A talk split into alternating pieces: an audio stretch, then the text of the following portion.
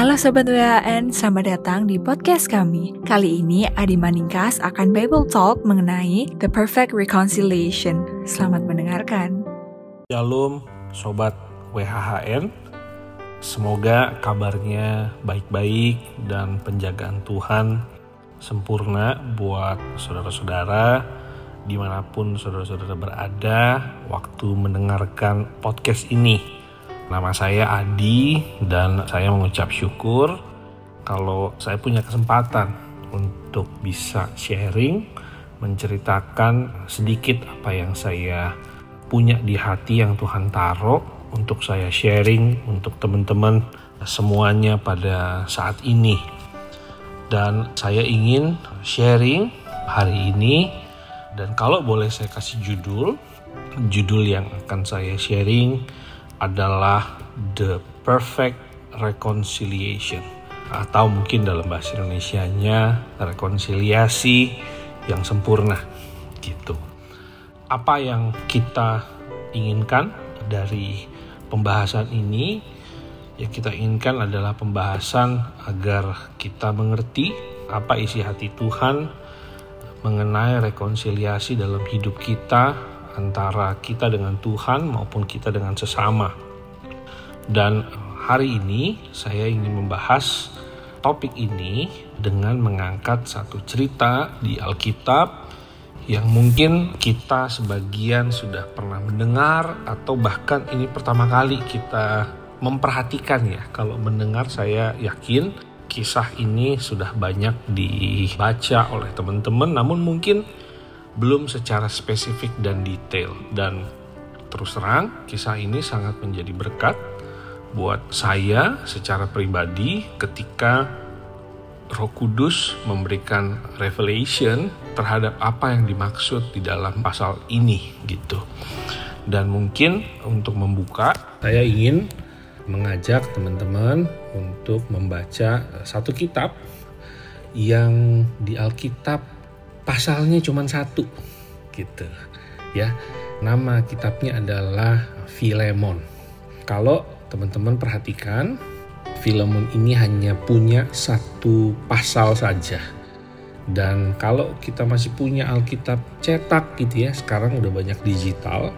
Tapi kalau kita punya Alkitab cetak maka mungkin kitab Filemon ini sangat pendek gitu ya saya waktu baca Filemon untuk pertama kali, kadang-kadang saya wondering, kenapa Filemon ini yang hanya satu pasal?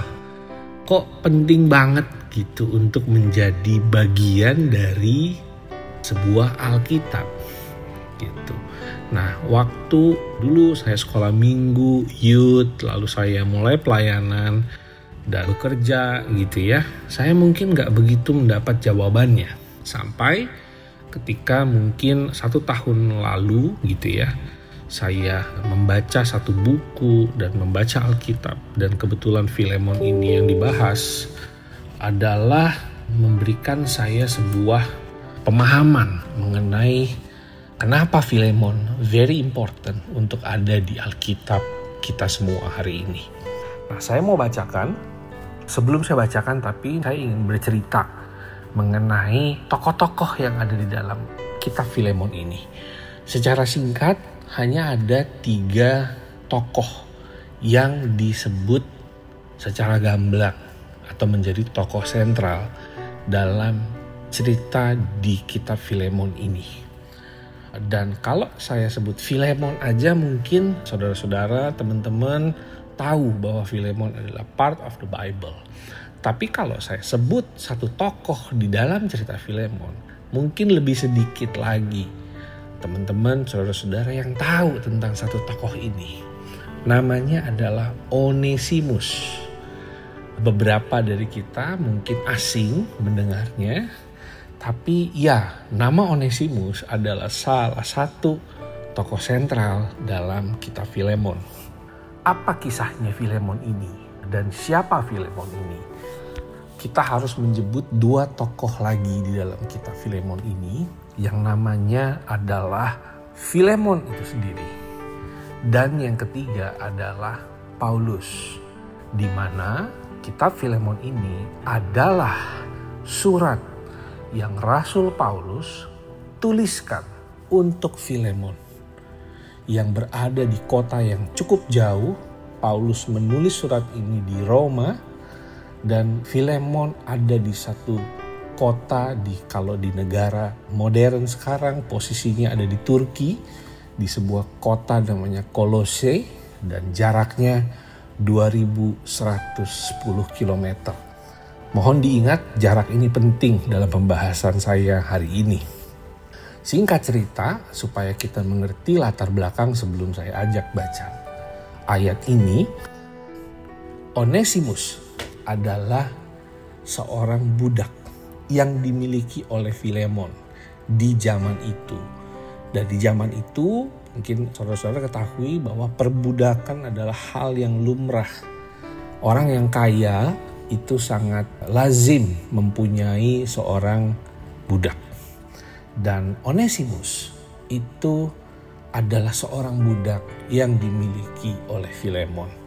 Dan Filemon karena dia punya budak, status sosialnya cukup kaya. Dia orang yang cukup kaya dan berpengaruh di kota itu. Dan Filemon adalah tipe tuan, tipe atasan, tipe orang yang sangat baik dalam memperlakukan budak-budaknya atau anak buahnya. Termasuk memperlakukan Filemon, budaknya pada saat itu. Tapi apa yang terjadi? Nanti teman-teman bisa baca pelan-pelan kitab Filemon ini yang terjadi adalah Onesimus melakukan tindakan yang sangat merugikan bosnya, yaitu Filemon. Apa yang dilakukan saudara-saudara? Jadi kisah detailnya tidak begitu dijelaskan, namun ada nanti ketika teman-teman baca, Onesimus melarikan diri dari kota di mana dia berada, Kolose dan membawa sejumlah uang yang merugikan Filemon sebagai tuannya. Despite terlepas dari kebaikan seorang Filemon, Onesimus membayarnya dengan melakukan tindakan yang sangat-sangat merugikan. Dan di zaman itu konteksnya budak jika melarikan diri dari tuannya maka hukum yang berlaku adalah hukuman mati. Maka budak ini sangat pantas untuk dihukum mati. Onesimus, dia seorang fugitif buronan, dicari-cari dan siapa pun yang ketemu dengan Onesimus, ya, dia berhak menghukum Onesimus hingga ke hukuman mati karena tindakan Onesimus yang melarikan diri dari Filemon. Dan apa yang terjadi? Onesimus dia melarikan diri ke satu kota yang sangat jauh. Jaraknya kalau dihitung oleh jarak Google sekarang gitu ya, Google Map itu jaraknya 2100 sampai dengan 2110 km antara kota Kolose yang berada di Turki hingga ke satu kota di mana Onesimus melarikan diri dan menganggap kota ini adalah aman. Kota di mana dia bisa melarikan diri tanpa ada orang yang bisa kenal dia. Kotanya namanya Roma. Dan tolong diingat, Roma ini juga penting. Nanti saya akan bahas di pembahasan saya lebih lanjut ya. Paulus singkat cerita melakukan pelayanan di berbagai daerah dan saya percaya karena kasih Tuhan ada momen di mana Onesimus sang buronan berada di dalam satu kota yang sama dengan Paulus bukan kebetulan karena Tuhan sudah atur. Dan Onesimus dia pikir dia sudah bisa melarikan diri dengan tenang, menikmati mungkin hasil uangnya, dan dia berpesta di Roma mungkin tanpa sadar bahwa dia sedang masuk ke dalam yang namanya rencana Tuhan untuk bisa berakhir di kota Roma. Dan saya mau bahas kisah ini dari tiga sudut pandang. Tadi saya sudah sebut ada tiga tokoh utama yang bernama Onesimus, Filemon, dan Paulus. Dan teman-teman mungkin bisa relate gitu ya dengan cerita ini karena nanti saya mau memberikan pandangan bahwa Onesimus itu tidak lain dan tidak bukan melambangkan banyak dari kita, saya dan teman-teman mungkin. Ya, kita orang yang sudah banyak menikmati kasih Tuhan, sudah mungkin banyak merasakan kebaikan Tuhan, namun kita tetap condong berbuat jahat dan melakukan kejahatan terhadap Tuhan dan melarikan diri bahkan. Kita pergi ke tempat yang jauh dan Filemon itu bisa melambangkan perspektif dari Allah Bapa. Dia seorang Bapa yang baik, seorang Tuhan yang baik, yang coba melakukan semua yang baik untuk bawahannya atau anak-anaknya, namun dibalas dengan perbuatan yang tidak baik. Dan Paulus dalam kisah ini adalah melambangkan tidak lain dan tidak bukan adalah Yesus yaitu pendamai dan tokoh sentral juga dalam cerita ini. Dan singkat cerita, begitu Paulus berada dalam satu kota dengan Filemon, tidak dijelaskan bagaimana persisnya. Tapi bertemulah Paulus dengan seorang yang bernama Onesimus. Dan saya yakin Paulus berhasil menangkap Onesimus bukan untuk diserahkan ke penjara, bukan untuk diserahkan kembali ke otoritas yang berwenang, tapi Paulus menangkap Onesimus untuk dirubah hidup, hati, dan karakternya Onesimus. Dan Alkitab mencatat Onesimus membantu pelayanan Paulus hingga Paulus memberikan gelar orang ini nanti di dalam suratnya kepada Filemon sudah banyak membantu pelayananku dan hanya orang yang hatinya sudah dirubahkan. Saya yakin bisa berani dipromosikan sebegitu hebatnya oleh Paulus. Dan saya mau ajak saudara-saudara baca dari kitab Filemon ayat yang ke 17 gitu ya. Saya bacakan buat teman-teman. Filemon 1 ayat yang 17. Kalau engkau menganggap aku temanmu seiman, terimalah dia seperti aku sendiri. Dan kalau dia sudah merugikan engkau ataupun berhutang padamu, tanggungkanlah semuanya itu kepadaku. Ayat 19. Aku Paulus menjaminnya dengan tulisan tanganku sendiri. Aku akan membayarnya agar jangan kukatakan tanggungkanlah semuanya itu kepadamu karena engkau berhutang padaku yaitu dirimu sendiri. Surat ini sekali lagi ditulis oleh Paulus untuk Filemon. Dan Paulus sangat cermat dalam bermain kata Paulus adalah seorang yang intelektual dan seorang yang pintar. Dan di ayat-ayat atasnya nanti saudara baca, ayat ini cukup pendek, satu kitab. Paulus memuji dulu yang namanya Filemon. ya. Namun setelah dipuji, Paulus mengingatkan kepada Filemon bahwa Filemon pun adalah produk dari buah pelayanannya Paulus sehingga dulu Filemon pun juga pernah dalam posisi berdosa.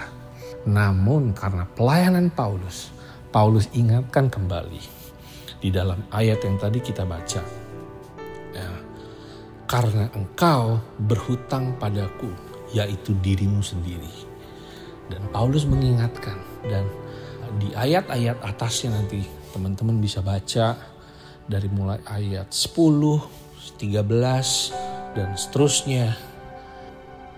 Paulus memberikan reasoning atau memberikan sebuah penjelasan kepada Filemon bahwa Onesimus yang memberikan banyak kerugian kepada Filemon. Sudahlah bukan Onesimus yang sama, namun Onesimus yang berubah. Dan di dalam hal ini Paulus menjaminnya. Dan dia mengirimkan Onesimus kembali kepada Filemon agar diterima bukan lagi sebagai budak, bukan lagi sebagai hamba, namun diterima sebagai saudara seiman yang posisinya sejajar. Teman-teman bisa bayangkan jika kita berada di posisi Filemon. Ada orang yang merugikan kita, kabur, bertahun-tahun lamanya tidak pernah ada kabarnya. Sekarang ada mentor rohani kita, ada senior pastor kita mungkin yang tulis surat. Hei kamu, si A, si B, si C yang dulu merugikan kamu sudah bertobat dan dia sudah melayani pekerjaan Tuhan berbarengan dengan saya dan I want to send them back to you. Tolong diterima ya. Bukan sebagai seorang hamba atau orang yang bersalah, tapi tolong diterima sebagai saudara seiman yang sejajar. Saya yakin kita perlu Roh Kudus untuk bisa menerima orang ini kembali. Dan Onesimus sangat-sangat beruntung untuk bisa ditangkap oleh yang namanya Paulus di kota Roma. Dan saya mau bacakan ayat juga di Roma 7 ayat 21 dan 23 bunyinya begini. Demikianlah aku dapati hukum ini. Jika aku menghendaki berbuat apa yang baik, yang jahat itu ada padaku. Sebab di dalam batinku aku suka akan hukum Allah. Tetapi di dalam anggota-anggota tubuhku aku melihat hukum lain yang berjuang melawan hukum akal budiku dan membuat aku menjadi tawanan hukum dosa yang ada di dalam anggota-anggota tubuh. Yang saya mau share ke teman-teman begini, batin kita tertarik kepada semua yang baik. Namun gak bisa dipungkiri tubuh kita tertarik dengan semua yang jahat. Dan ini yang dialami Onesimus dan kita juga bukan. Batin kita mau jadi baik. Tapi tubuh kita ini selalu tertarik dengan yang namanya perbuatan kejahatan. Dan kisah ini banyak dialami oleh kita semua termasuk saya mungkin, ya, bahwa tidak ada yang sempurna. Batin kita tertarik sama yang baik, tapi tubuh ini tertarik dengan hal-hal yang jahat. Kita niatnya mungkin berbuat baik, tapi ada aja kesempatan untuk berbuat jahat. And then kita ambil keputusan yang salah untuk berbuat jahat. Dan Tuhan mengerti akan hal ini. Dan di situlah ada yang namanya kasih karunia Tuhan. Onesimus adalah kita. Kadang gak tahu diri. Budak diangkat anak masih ngelunjak. Udah diberkati Tuhan masih doyan ambil yang bukan bagian kita. Tuhan mau kita aman. Tuhan mau kita safe. Tapi kita sukanya kabur-kaburan. Dan saya mau ceritakan mengenai apa arti kota Roma yang jaraknya 2110 km. Anda dan saya waktu kita kabur dari Tuhan, kita berpikir kita lari ke mana pun.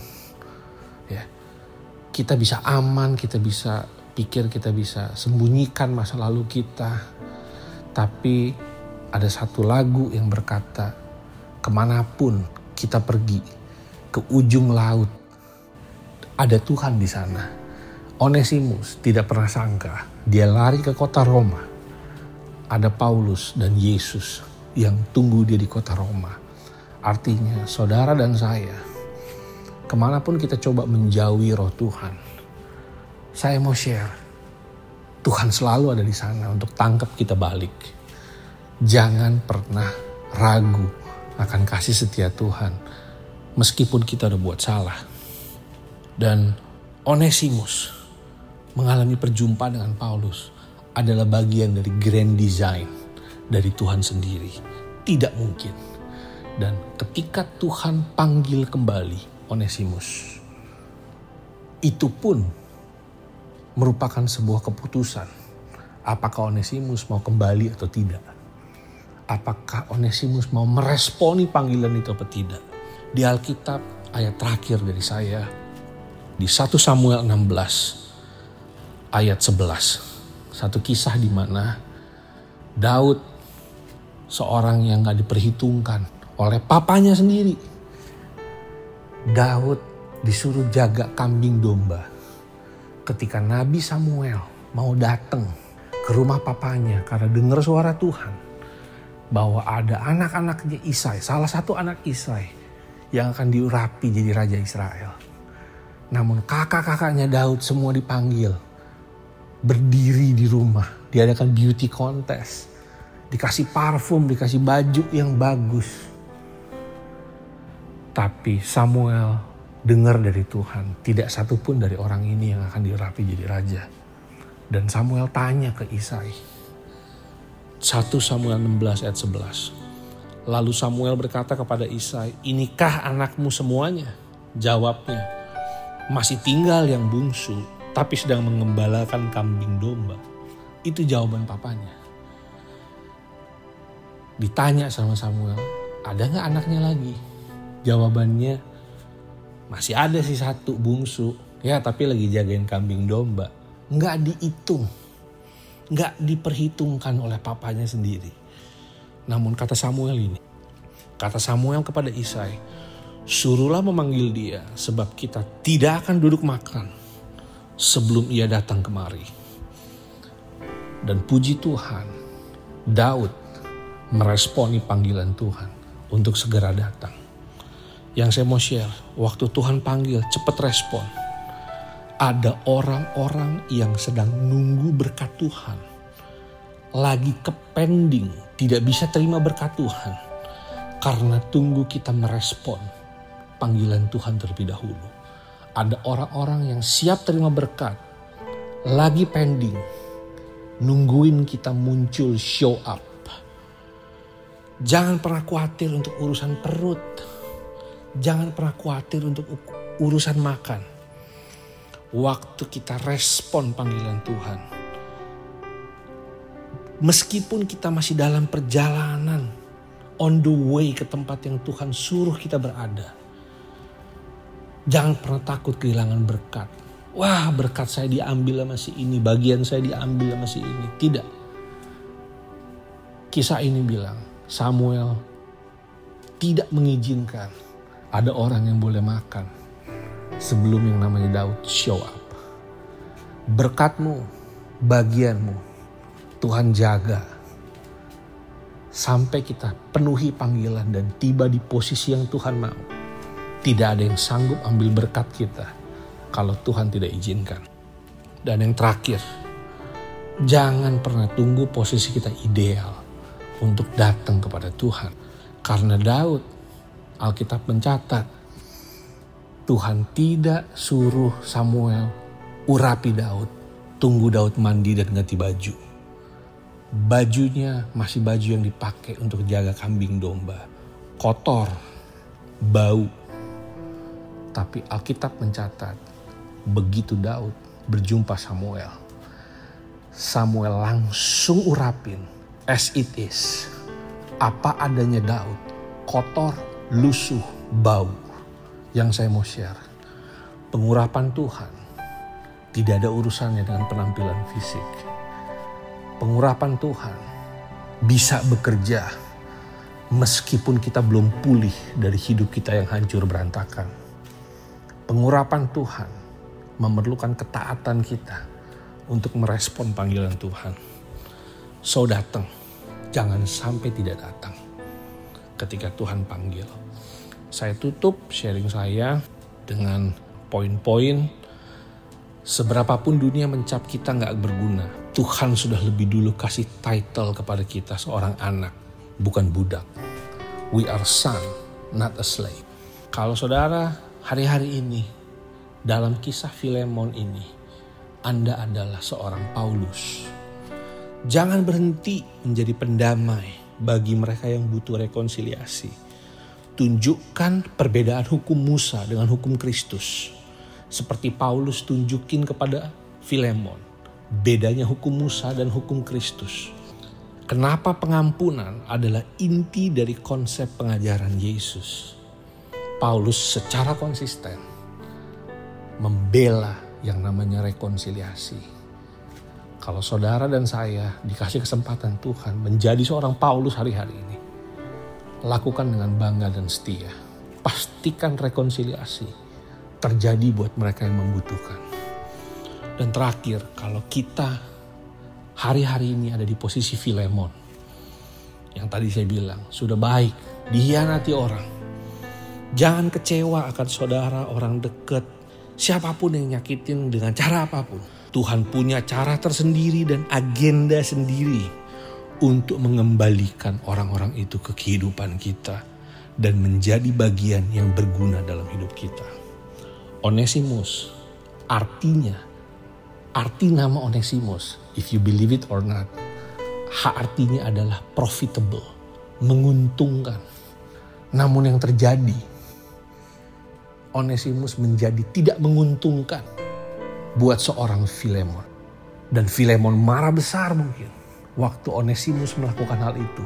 Ah gak sesuai nama lu, nama lu menguntungkan. Tapi kok buat saya merugikan. Jangan cepat menjudge orang. Karena Tuhan punya agenda dan cara tersendiri untuk membawa orang itu kembali pulih. Even menjadi bagian kembali dalam hidup kita. Sama seperti Onesimus dibawa oleh Tuhan kembali kepada kehidupan Filemon. Dan inilah yang saya mau share mengenai the perfect reconciliation. Semoga jadi berkat. Tuhan Yesus memberkati. Terima kasih sudah mendengarkan episode podcast Bible Talk WHN kali ini. Jika teman-teman ingin berbagi kesaksian kehidupan bersama Kristus, teman-teman bisa reach out kami di Instagram at worshiphisholyname.id. Sampai bertemu di episode lainnya ya.